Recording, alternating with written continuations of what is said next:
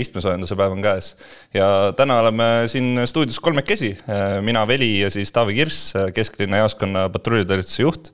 ja ega me siin pikka sissejuhatust ei hakkagi tegema, räägime kohe huvitavast teemast, selline teema nagu kesklinna tekkiv usaldustsoon siis. Taavi, räägi siis võib-olla paari sõnaga, mis asi on üldse usaldustsoon? usaldustsoon on siis proovime liiklus rakendada sellist asja nagu inimeste südametunnistuse siis mõjutamine kuidagi, et ma alustaksin nagu ühe väikse niisuguse looga, et kuidas ma ise selle usaldustsoonini üldse jõudsin ja kuidas me oma siis tiimiga hakkasime sellega edasi liikuma. et tegelikkuses see usaldustsooni teema oli juba üks, ütleme, aasta natuke peale tagasi juba politseis eh, tehtud ja seda tehti Viimsis siis eh, Aiandi teel minu arust, kui ma õigesti mäletan. ja seal võeti teemaks siis, et eh, usaldame sind, et sa sõidad siin siis nelikümmend kilomeetrit tunnis. Et siis oli nagu märk oli väljas selline, sellise sõnumiga? Mm -hmm. ja olles ise küll politseis tööl on ju kogu aeg, aga tegelikult teadmata sellest usaldustsooni teemast Viimsis, sattusin ma ise juhuslikult sinna sõitma, nii et mul laps oli peal, viisin teda kuskile sünnipäevale ja vaatasin, ohoo päris äh, põnev ja kuidagi kohe hakkasid vaatama seda kiirust endal loomulikult onju ja tundsin, et mingi põks käis ära onju, kuidagi mõjutas onju, tundelt.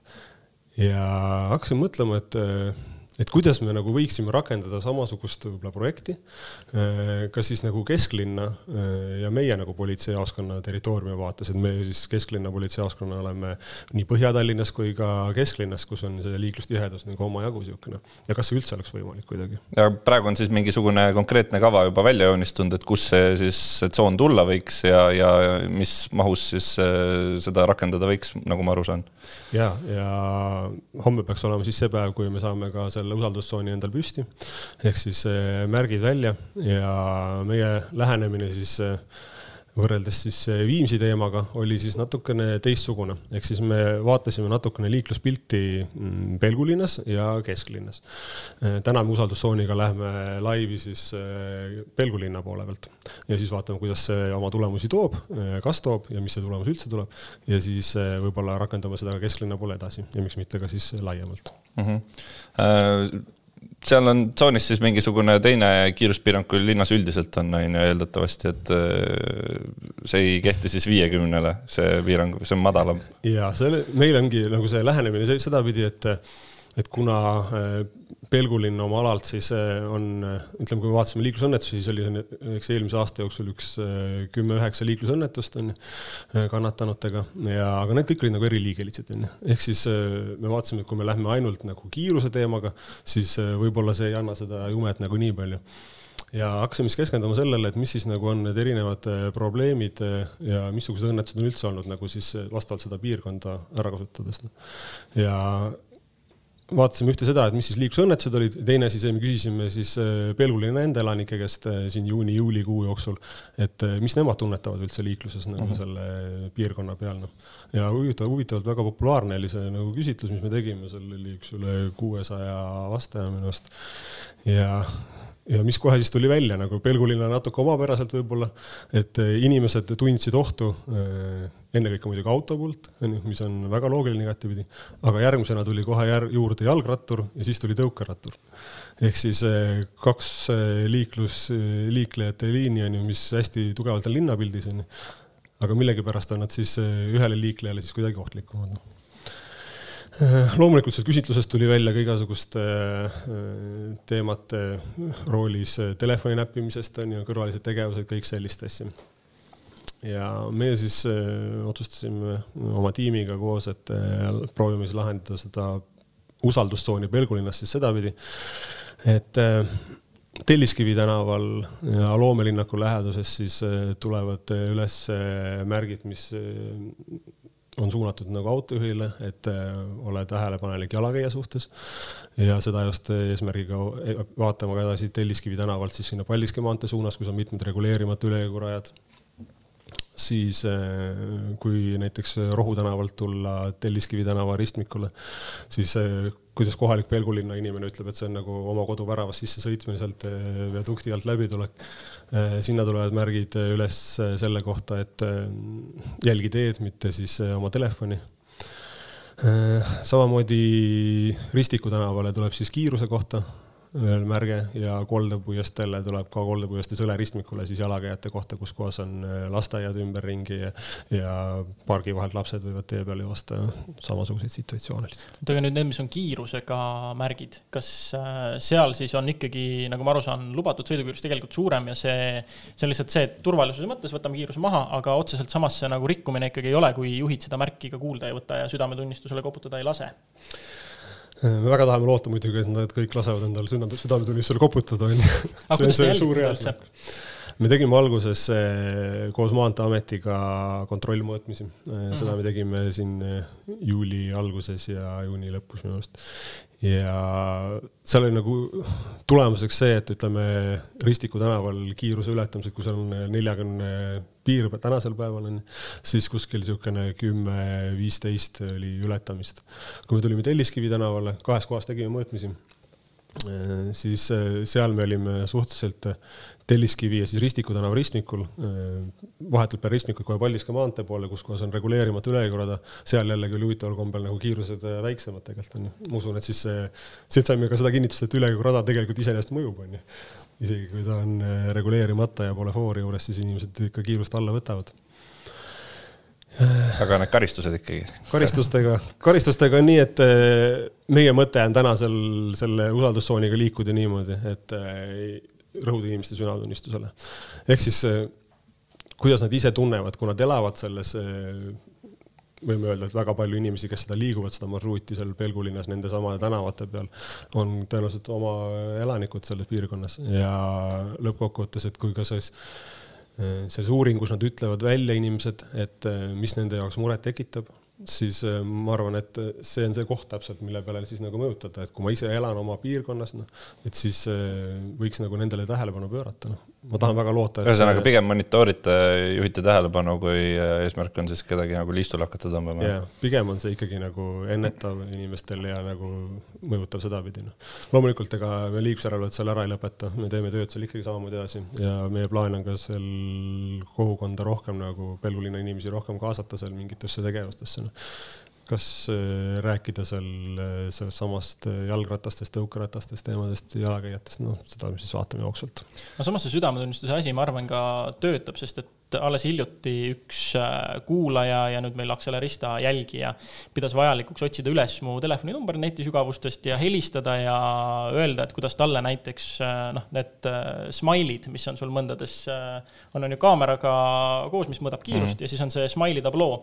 et tõi näiteks välja selle, et noh, et aga miks neid rohkem ei panda, et temal kui juhil küll alati iga kord, kui ta seda näeb, et siis ta ikka tahab, et see roheline smiley talle seal vastu vaataks. noh, ühesõnaga põhimõtteliselt ongi ju seesama projekt tegelikult mm -hmm. ja, ja loodame, et siis äh, südametunnistused saavad koputatud. su fänni, su fännil on ka ikkagi äh, nüüd korras, et, et tema murega on tegeletud. aga räägime nüüd järgmisel teemal, mille puhul on ka tegelikult võib-olla palju oodatud sellist äh, politseipoolset kommentaari või võib-olla natuke selgitamist, et äh, see on see konkreetne juhtum, mis siis äh, toimus samamoodi Põhja-Tallinnas äh,. BMW ja Corvetti kiirendusvõistlus siis, et äh, seal on palju nüansse, mis, mis on inimestel äh, tekkinud küsimused, kuidas, kuidas need asjad üldse, kuidas neid äh, klassifitseeritakse, kust maalt algab näiteks kiirendusvõistlus, mis, mis siis juriidiliselt on nagu üks kiirendusvõistlus üldse, Taavi? ütleme, kui me nüüd selle konkreetse sündmuse juurde tagasi läheme, siis äh, jah, see oli esmane see sõnum, et seal on kiirendusvõistlus, on ju täna see võib-olla ei ole enam nii kindel, et seal otseselt kui mingit kiirendusvõistlust omavahel toimus mm. -hmm. Et äh, osapooled on ju mõlemad, nende mõlematega vesteldud ja oma selgitusi saadud selles suhtes, siis äh, täna selles, et nad omavahel nagu võistleksid kuidagi, ei ole, ei kinnitaks praegusel hetkel. okei okay,, aga kui me räägime näiteks üldisemalt, äh, kui ma näiteks seisan punase tule taga politseiautoga kõrvuti, ütleme, sina oled äh, see, kes seal autos istub, teeb neid otsuseid ja mina otsustan, et ma lähen siis äh, nullist viiekümneni sealt punase tõle tagant niimoodi, et äh, rehvid vilisevad. jah, jah, täiega, lihtsalt gaas põhja. siis millisel hetkel see politsei jaoks probleemiks on, kas see üldse on, kas tehniliselt, kui ma niimoodi sõidan, sõidan politseiauto kõrval näiteks, kas on mingit õigust või mingisugust mõtet mind üldse kinni pidada või kuidas politsei sellise asja peale, kuidas sa ise näiteks sellise asja peale reageeriksid? mina politseinikuna kindlasti reageeriksin just selles mõttes, et kui sa juba politseiauto kõrval, oletame, kui mina, kui politsei seal ongi kõrval, onju, et kui sa juba selle peale tahad nii provotseerivalt käituma hakata, siis see juba paneb nagu midagi mõtlema, et äkki ei ole nagu päris okei okay see selline käitumine.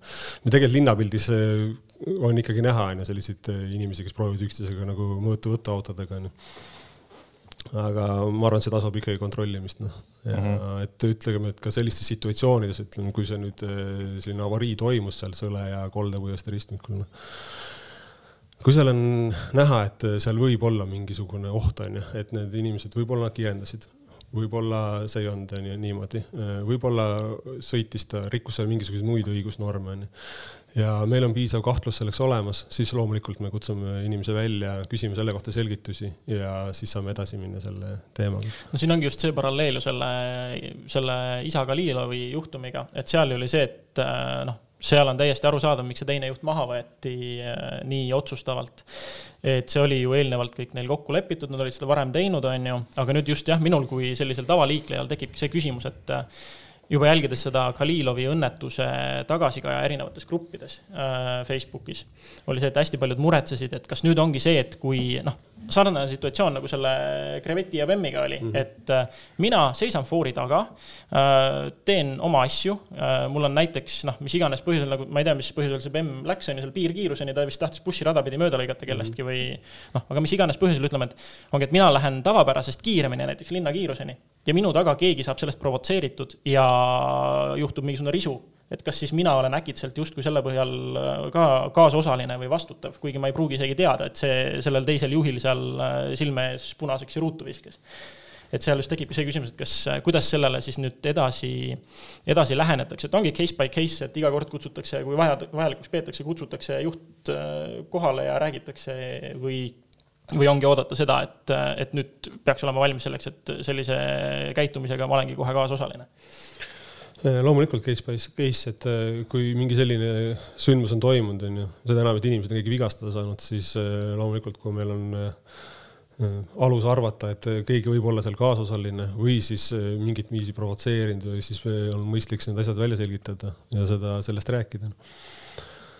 teisest küljest autojuhtidele ega mul ei pea silmad ruutu minema selles mõttes, et äh, ma ei pea hakkama kiirendama ja võin võtta täiesti rahulikult liiklusest mm. -hmm. et kui me nagu näiteks ka üleüldist liiklust, seisundit vaatame, onju, seal niisama sõites, siis on väga palju nagu probleeme, sa ei näe neid, onju samas ütleme, et äh, eile õhtul näiteks ka ise sõites linna vahel, siis äh, ikka, kui on mingi võimsam masin ees, ikka ta proovib kiirendada kuskilt ühe ristmiku pealt teiseni, onju noh. aga see ei ole see käitumine, milleks on mm vaja teha, noh, et lõpuks on päris palju me politseinikuna, me näeme neid situatsioone, kus mm, kui avarii ära toimub, siis millised on need inimese silmad ja mida ta siis nagu sellel hetkel mõtleb, onju. et ta võib-olla tõesti ei tahtnud kedagi vigastada, aga kui need vigastused on juba olemas, noh, et mis siis on mm. -hmm. et sina ise pead sellega edasi elama siis. üks küsimus veel, mis on internetis ja igal pool kommentaariumites, igal pool kerkinud, on see, et kas sellel BMW juhil on äh, juriidiliselt tegelikult üldse kohustus sellise kutse peale kohale tulla, et kui politsei ütleb, et näed, meile tundub, et sa oled kaasosaline, on ju, siis, siis kas, kas sellel inimesel on reaalselt kohustus sinna jaoskonda siis kohale ilmuda ja selle kohta ütlusi anda? Äh, on kaks asja, on ju, kas me juba teame, et seal võib olla mingi selline rikkumine, on ju, kui on video peal juba olemas nagu mingisugune rikkumine siis äh, või on teine võimalus siis, äh, kui me näeme, et võib-olla ohukahtlus on, ehk siis korrakaitseseaduse alusel tegutseda ja saada siis ohukahtluse väljaselgitamiseks siis äh, ütlusi selle kohta mm. -hmm. et igal juhul on ikkagi kohustus sinna kohale ja, ilmuda. selge. sõnum, ikkagi meie sõnum on see, et võtke rahulikult asja. just, aga aitäh, Taavi me läheme siis äh, oma teemadega siit edasi äh, ja siin äh, kolmas teema täna, mis meil arutluse alla sellest uudiste osast tuleb, on Tallinna autostumine. ehk siis täpsemalt selline info nüüd ERR-is avaldati, et aastas kasvab autode arv Tallinnas keskmiselt viis protsenti kui kiirelt meil nüüd lihtsalt kohe esimene küsimus, mis tekib, kui kiirelt kasvab meil Tallinna elanikkond, on sul see äh, mitte, välja vaadata? päris kindlasti see number ei ole viis protsenti aastas, et selles võib nagu täitsa kindel olla. Ja, ja seal olid veel muidugi huvitavaid kommentaare, näiteks Mihhail Kõlvart, siis Tallinna linnapea ütles, et kuigi linn liigub selles suunas, et tahaks kõigile ju ikkagi paremat keskkonda luua jalgratturitele, jalakäijatele ja ka autojuhtidele, siis noh, sa juba saad sellest nagu väitest aru, aru, et see on nagu igapidi nii konfliktne, kui üldse saab olla. Äh, aga ta veel lisas sinna sellise kena tsitaadi, et küsimus on, kui palju me saame piirata autoliiklust olukorras, kus autode arv kasvab iga aastaga vot selline äh, huvitav lause, et samal ajal, et sa ise nagu kogu aeg näed vaeva selleks, et autode, et auto oleks nagu linnas see number üks sõiduvahend. ja siis samal ajal küsid, et huvitav, miks see no, autode osakaal nagu, miks autode osakaal kogu aeg kasvab kui me ainult autodele keskendume. ühesõnaga paar, paar asja, mis seal veel oli ära mainitud, oli see, et äh, rattasõidu osakaal on kasvamas. samal ajal ühistranspordi kasutamine on vähenemas. et äh, mis su arvamus on, kas Tallinna linnas üldse nagu ilma autota normaalselt saab hakkama? no eks saaks äh, hakkama küll, aga siin on oh, see kogu see jalgrattastumine, see, see on mingit pidi nii isiklikult ka konfliktne teema, et et äh, väga äge on, kui inimesed liiklevad ja saavad oma asjad tehtud jalgrattaga. ma panin, ma panin su selles mõttes nagu hästi tanki, et vahet ei ole, mida sa ütled praegu, sa hakkad mingeid sõimukirju saama. ja mingit grupilt et, ikka, on ju. Äh, ei, ma ei kavatse nagu väga, ma ei kavatse väga diplomaatiline olla, et ma selles mõttes, et äh, lihtsalt jälgida seda, et okei okay,, väga tore on see, kui inimesed saavad tõesti Tallinnas kõik oma asjad jalgrattaga aetud. see on, see on väga vinge. aga jällegi vaadates mingisuguseid toredaid gruppe Facebookis, siis see mentaliteet konflikt, mis on äh, just nendel peamistel jalgrattaaktivistidel, see käib paraku kohati vastu karva. et tundub, et eesmärk on see, et äh, sul oleks kõigi teiste liiklejate hinnaga võimalik äh, liikuda linna ühest piirist, servast teise, ilma et sa peaksid jalgrattaga kordagi pidurdama. ja kui seda ei saa, siis on kõik teised on pahad, kõik teised peavad teed andma, tuleb luua kõik need lahendused, et see oleks võimalik. Äh, ja siis, kui siin oli see palju kõneldud, palju lahatud äh, õnnetus seal jalgratturiga seal, äh, mis, mis ülekäik see oligi nüüd Järve, kusagil Järvevana sealkandis on ju. Jüri Aarma no,. siis seal ka ma lihtsalt mäletan, et ma korra võtsin sõna ja ütlesin, noh, seal kõik äh, rääkisid, et issand, need piirded seal ülekäigul on ikka nii kehvad ja ja seal vahel peab nökerdama ja tuleb jalgratta seljast maha tulla ja, ja nii edasi. ja siis äh, lõppkokkuvõttes olid, olid need piirded pahad, mitte see, et äh, inimene, kes läks sinna ülekäigule, tegeles kõrvaliste tegevustega, rääkis telefoniga ja ei pööranud tähelepanu ümbritsevale ja läks nii-öelda noh, see on, see on tagantjärele muidugi nõme öelda tõesti, aga no see on selles, selle koha pealt see on äh, natukene ikkagi nagu inimese enda kapsaaeda, kui see nii palju jõulisema vastasega minnakse jõudu katsuma. et äh, Punase sekundi liiklussaadet tehes tuli lihtsalt nii palju videoid erinevate saadete jaoks, äh, mis meile saadeti ja mis me kokku kogusime, kus jalgratturid äh, panevad üle raudtee ülesõidu viimasel momendil, nii et rong peab tegema äkkpidurduse. ma arvan, et täpselt sama palju materjali on nagu autojuhtide kohta, neid ja, õnnetusi on ka meile ikka. aga sa ei kuule, kuidas autojuhid ajaksid oma õigust taga siin rongi ees. et et, äh, et ikka kõik muud on pahad ja meie ei peaks siin üldse. no nagu... ma olen ikka kuulnud selliseid argumente, mis räägivad sellest, et kõik peaksid olema ikka tõkkepuuga reguleeritud äh, need ülesõidud ja, ja et. ja ei, see oleks täiesti mõistlik, absoluutselt. aga no üldiselt nüüd ma jäin kergelt äh, rändima siin äh, sellel ühel teemal. küsim-, küsimusele ei vastamata. muidu on tore, kui inimesed saavad oma asjad teha niimoodi, et äh, nad teevad seda tervislikult, ilma saastamata, teevad jalgrattaga oma sõidud, ma arvan, et see on Tallinnas kesklinna piires täiesti võimalik, aga mina seda teed endale ei valiks, sest mul on küljes selline vigastus nimega autohuvi. et ma ikkagi paraku sõidan hea meelega oma sõidud nii, kuidas ma saan saan? ma ütleks, et äh, autohuvi võib-olla minu puhul ei ole isegi nagu number üks argument, et äh, number üks argument on lihtsalt äh, ratsionaalsus.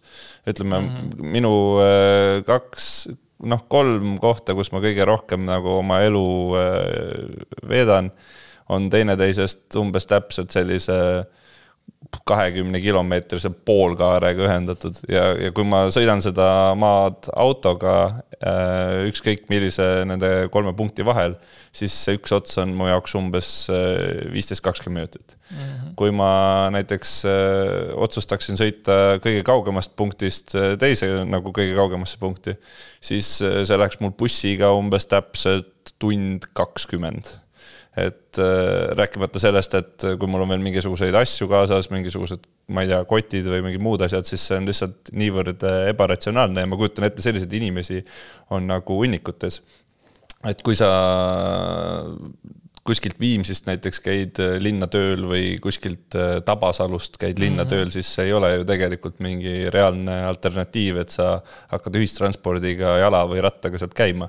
et ma olen nagu absoluutselt seda meelt, et kesklinna inimesed, neil ei ole mingit vajadust mm -hmm. auto jaoks, kui sa elad, ma ei tea, kasvõi kuni Kristiineni, sa saad ilusti ühistranspordiga viie minuti, põhimõtteliselt viieminutises ajaaknas oma sõidud kõikjale mujale kesklinna tehtud, rääkimata sellest, et äh, jalgratta või rattaga või tähendab jalgsi või rattaga seda teha, on ju.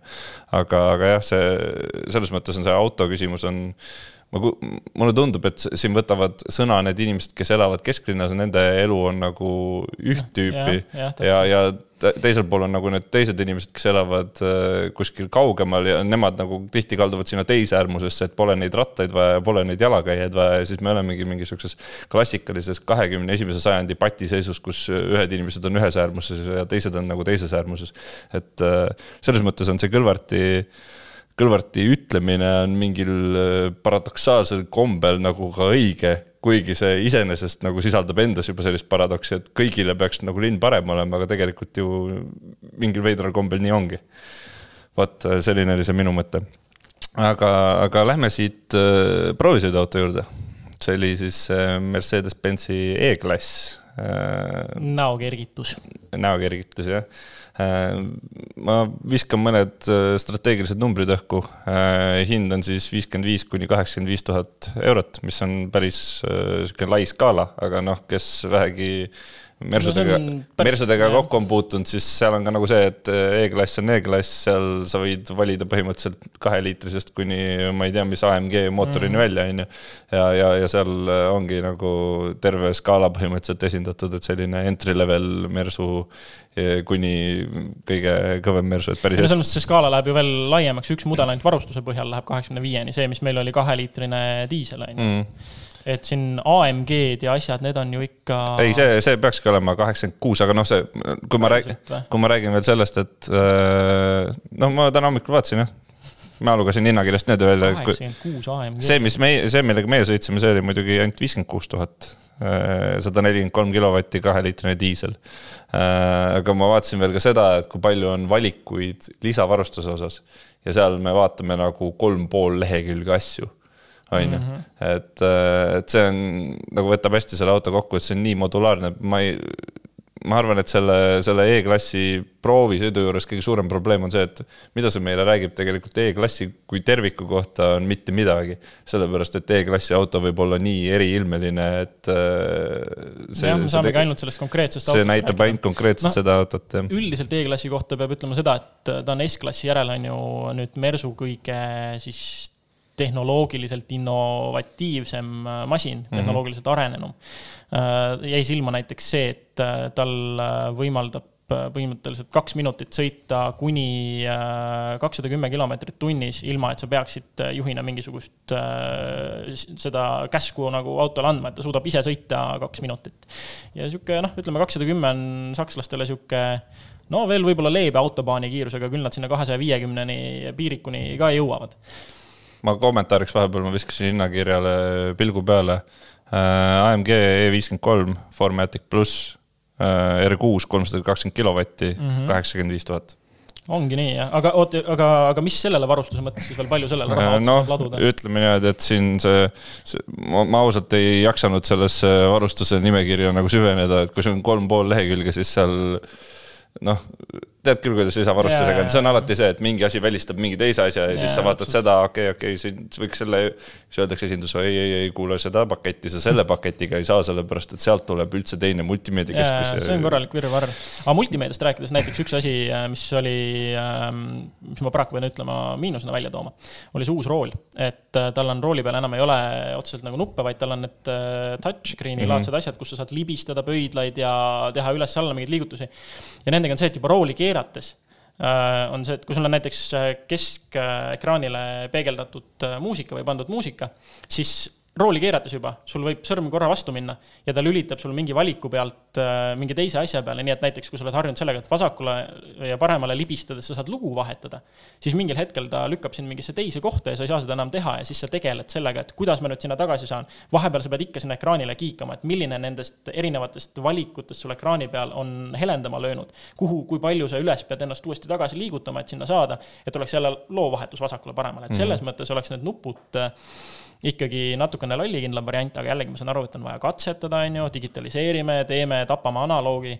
aga paraku see katsetus just selle, vähemasti ühes kasutusmugavuses, siis see, see eriti. ma ütleks, et mina, mina ütleks, et see intuitiivsus tegelikult oli nagu olemas, et äh, mind need ei häirinud. Äh, mis mind häiris samamoodi oli jah see, et neid menüüsid, mida sa said seal liigutada mm, -hmm. oli nagu mingisugune neli tükki on ju, et, et kõik, iga näidikupaneel eraldi ja siis veel see külmine ja siis yeah. noh, seal oli mingi siukene, aga, aga sellega harjus päris äh, kiiresti ära, ma, ma isiklikult ütleks, et see ei häirinud mind nagu mingite teiste autode puhul on häirinud, et seda digitaalsust oleks liiga palju olnud noh, mingeid siukseid vidinaid oli seal muidugi palju nagu Mersule nagu asjakohane ka oleks. Äh, see LED-ide, LED-i riba, mis terve auto ja meeleoluvalgus, mis terve auto raames, mis muidugi häiris. Äh, aga seda sai maha timmida, ma tõmbasin öiseks sõiduks selle, selle maha veidike ja noh, aga värvid, värvid olid ka muidugi ägedad nimed seal nagu kombeks on saanud, et ei kõlba kirjutada, ma ei tea,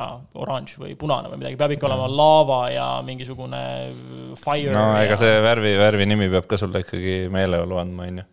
Äh, aga jah, selles mõttes öisel ajal oli tegelikult äh, huvitav, efektne, samal ajal nagu käis silmadele ähm, ma olen endale kirja pannud paar küsimärki selle auto puhul mm. -hmm. üks on rool, rool oli niisugune parajalt jäme vorst ja ma isiklikult äh, ei olnud selles mõttes fänn, et äh, kätte ta istus suhteliselt kehvapoolsed, kuigi mul on tegelikult suht suured käed mm., ma arvan, keskmise inimesega võrreldes. et selles mõttes see mulle väga ei meeldinud ja mis mulle veel ei meeldinud, on see, et äh, E-klass võiks olla selline auto, kuhu inimene mahub normaalselt ka tahaistmele istuma ikkagi. et kui mm. me räägime siin äh, üle viiekümne tuhande euro maksvast autost, mis tegelikult peaks ikkagi pigem olema suuremapoolne auto, on ju siis ja. Äh, ega sinna taha nagu täiskasvanud inimest väga ei mahuta. samas väliskabari-, äh, väligabariitidelt ta on ikkagi päris lahmakas. et suur. Äh, ma parkisin ta omal kodus kolmanda korruse akna ette ja vaatasin ülevalt alla siin naise Subaru kõrval ja ise sõites ei tundu ta nii suur. ja ka väljast vaadates, kui sa mulle näiteks autoproovisõiduks üle andsid ja mm -hmm. ma teda piilusin korra, siis ta, need, see disain on selline voolav, et ta kuidagi jätab väiksema auto mulje, kui sa sinna sisse istud, ta jätab väiksema väiksema auto mulje veidi. aga kui sa kusagilt eemalt nüüd vaatad või ülevalt, siis ta on ilge lahmakas tegelikult, et seal võiks seda ruumi justkui olla. aga noh, nüüd me oleme siin rääkinud jälle miinustest ja mul on tunne, et see on üks nendest autodest, mille puhul äh, ongi see, et äh, selles sõiduelamuses ei peegeldu peale selle mugavuse ja vaikuse ei, ei hakka midagi nagu suurepärast okay. otseselt silma. ma ütlen ära, ma ütlen ühe asja ära, äh, mida ma mõtlesin sel hetkel, kui ma sinna autosse istusin ja see on sellepärast, et kui meil oli just eelmine proovisõiduauto oli Bentley, siis mm -hmm. selle E-klassi puhul see tunne oli olemas ja see on tegelikult nagu luksusauto puhul eh, see küsimus, et kas sul on see tunne ja, no, olemas. ja see tekitas must selle tunde, et see on ikkagi kõrgema klassi auto, et seal on mõnus mm -hmm. istuda, see on väga mugav, seal ei ole, noh, seal on ka sama palju vidinaid nagu Bentley's on, noh, Bentley's muidugi on neid kordades rohkem ja, ja need vidinad on kordades erudeeritumad, on ju. aga mus ei tekkinud seda sellist tunnet, et sellega oleks nagu üle pingutatud mm.. ja noh, ma saan kindlasti selle eest vastu päid ja jalgu, nagu ma juba selle eest sain, et ma ütlesin, et Bentley mulle. Bentley oli kitsch, on ju. aga, aga selle Mersu puhul ma tõesti ei tundnud seda ja, ja, ja ma tundsin on, seda, et. jah, see on noh, ütleme võib-olla näiteks sellest Bentley, Bentley puhul mulle see enam nii suurt muljet ei avaldanud, sest ma olin varem juba kahe eelmise põlvkonna või kahe erineva Continentaliga sõitnud aga ikkagi noh, minu jaoks ikkagi Bentley jättis ka nagu sügavalt selle õige luksauto mulje. aga selles E-klassis äh, tuleb öelda, et see luks oli täpselt samamoodi, see tunne oli tõesti olemas, et äh, mis oli täiesti olemas, oli kogu see sõitjate ruumi väljapeetus, mugavus, äh, luksus, mida ei olnud minu jaoks olemas, paraku on jah, see kaheliitrine diiselmootor ikkagi, see dünaamika jättis, jättis soovida, aga see kütusekulu, sõidu ulatus see sõidu ulatus oli muidugi müsteerium, mis sealt tuli. sa alustasid ju tõenäoliselt mingi tuhande ühesaja kilomeetri tuhat kakssada oli selle ees, ühe paagiga. ja see paak oli, ma vaatasin, ta ei olnud mingi metsikult suur, ta oli seitsmekümne, kaheksakümne vahele vist mm.. Uh, sul on no, kiirem arvutist võib-olla otsida ja kinnitada, minu arust oli mingi, äkki oli seitsekümmend liitrit. et ja ta ütles seda siin tõesti, kui sa andsite mulle üle, palju sa olid sõitnud, üle kolmesaja ja mul see sõit läks veel keris kaheksasaja pealt veidike kõrgemale, mis alles jäi. et et, et ikkagi väga, väga, väga öko selle koha pealt. Ja ma proovisin kõiki erinevaid sõidu, sõidurežiime. proovisin ka sporti loomulikult. Äh,, proovisin komforti ja noh, see, mis, mida ta lubab teha, see on olemas. Spordi juures, tõsi, seal noh, mida sa sellest äh, diislist nii väga ikka ootad, et äh, ei olnud nagu mingisugust märgatavat dünaamika muutust aga kõik see luks ja see mugavus ja vaikus ja hea helisüsteem, see oli kõik olemas, mida selliselt masinalt oodata. ja tõesti, kui blankversiooni saab viiekümne viiega, siis no. ja noh, kaheksakümne viiega juba AMG. jah, et siis, siis tõesti tegelikult miks mitte, jah, ta on raske. minusugusele ta sihuke valikus ikkagi väga ei oleks. kindlasti no, mitte, ta on, ta on ikkagi sihuke kulgemisauto, ta ei ole see, millega sa ja. lähed kuhugi jah, et, et selles mõttes, äh, aga hind ju otseselt sellise masina eest ei ole paha ja seda sõitjate ruumi väljapeetust on seal selle raha eest äh, rohkem kui küll, et see rool oli jah, sul oli üks, äh, üks negatiivne kommentaar selle kohta, mul teine. aga ma arvan, et see mingit sorti deal breaker selle auto juures küll nüüd nagu olla ei tohiks. just nüüd tuleb väikene Veli soolo, et ta tahtis siin ikkagi jubedalt rääkida uuest äh, Nissani Z-seeriast. no mis mul sellest uuest äh, pikalt rääkida, lihtsalt on avalikustatud veidike uusi detaile, et enne on meil olnud spekulatsioonid, aga nüüd me teame, et tal saab ka päriselt olema käsikast ja noh, õige tõmmatava kangiga käsipidur, mitte see väike nupuke. ja väga kummastav on lihtsalt see, et me oleme nii lühikese ajaga siin, mis ma autodest olen rääkinud ja arvanud, jõudnud momenti, kus käsikasti ja kangiga käsipiduri olemasolu on selline asi, mis väärib kiitust ja aplausi. see on eraldi uudis ka kusjuures. jah, ja kõik, ja kõik inimesed, kes seal äh, seda seda õrritusvideot vaatasid, kus avalikustati kõik umbes fangirl ivad ja jee, käsikast, uskumatu, kangiga käsipidur. et selle valguses, ma arvan, tuleb minna tagasi sellise varsti unustuse hõlma vajuva kunsti juurde nagu käsikastiga sõitmine no nii, jaga oma nippe siis, siis.. Äh, mis on põhilised vead, mida inimesed ikkagi isegi, kes on pikalt käsikastiga sõitnud, mida nad sõites teevad, ma ei tea, kas äh, sa oled, sul on ju automaatkastiga auto? jaa, mul on automaatkastiga auto, aga ütleme, ma olen ikkagi äh, oma elus ka olen ikka aastaid sõitnud käsikastiga autoga. et seal on üks asi näiteks, mida isegi, mis isegi pika staažiga inimestele üllatusena tuleb, on näiteks see, et ja milles süüdi ollakse, on see, et ärge puhake kätt käigukangi peal et niimoodi, et sõidate üks käsi roolil, teine kogu aeg käigukangil. käsi käib käigukangil ikkagi ainult siis, kui on vaja käiku vahetada ja siis läheb roolile tagasi, seal on kaks asja, esiteks see turvalisuse tagasiside, mis sa roolist kahe käega saad. aga teiseks on see, et sa kulutad enneaegselt ära seal, seal, kui sa nüüd võtad selle käigukasti kangi all olevad osad, mille, mis seal ühenduses on, erinevad kahvlid ja need, mis see eestikeelne nimetus võikski olla siis see shifting color või see, mis liigub mm. -hmm Äh, ühe ülekande, ühe ülekande seest teise sisse, et jõudu üle kanda. sa paned nendele liiga palju sihukest mõttetut äh, survet ja rõhku ja kulutad nad enneaegselt ära, et need on sellised osad, mis peaksid kestma auto eluea lõpuni ja koos autoga romulasse minema laias laastus, aga lõppkokkuvõttes põhjustavad selle, et see tuleb enneaegselt ära vahetada et jällegi, see on selline asi, mis, äh, mis inimesed võiksid endal välja harjutada. lihtsalt üks väike loll harjumus, on ju. jah, siis ähm,, siis on veel see, et mida tihti tehakse on noh, siduri kasutusega üleüldse saab olla igasuguseid asju, mida valesti tehakse tegelikult. noh, kasvõi alates sellest, et äh, foor läheb punaseks ja siis sa lahutad siduri ja kulged lihtsalt äh, siduriga, lahutatud siduriga vaba veeremises foorini ja siis pidurdad omal hoo maha. teine asi see, et sa samal ajal tõmbad käigu neutraalisse ja siis lased kulgeda näiteks.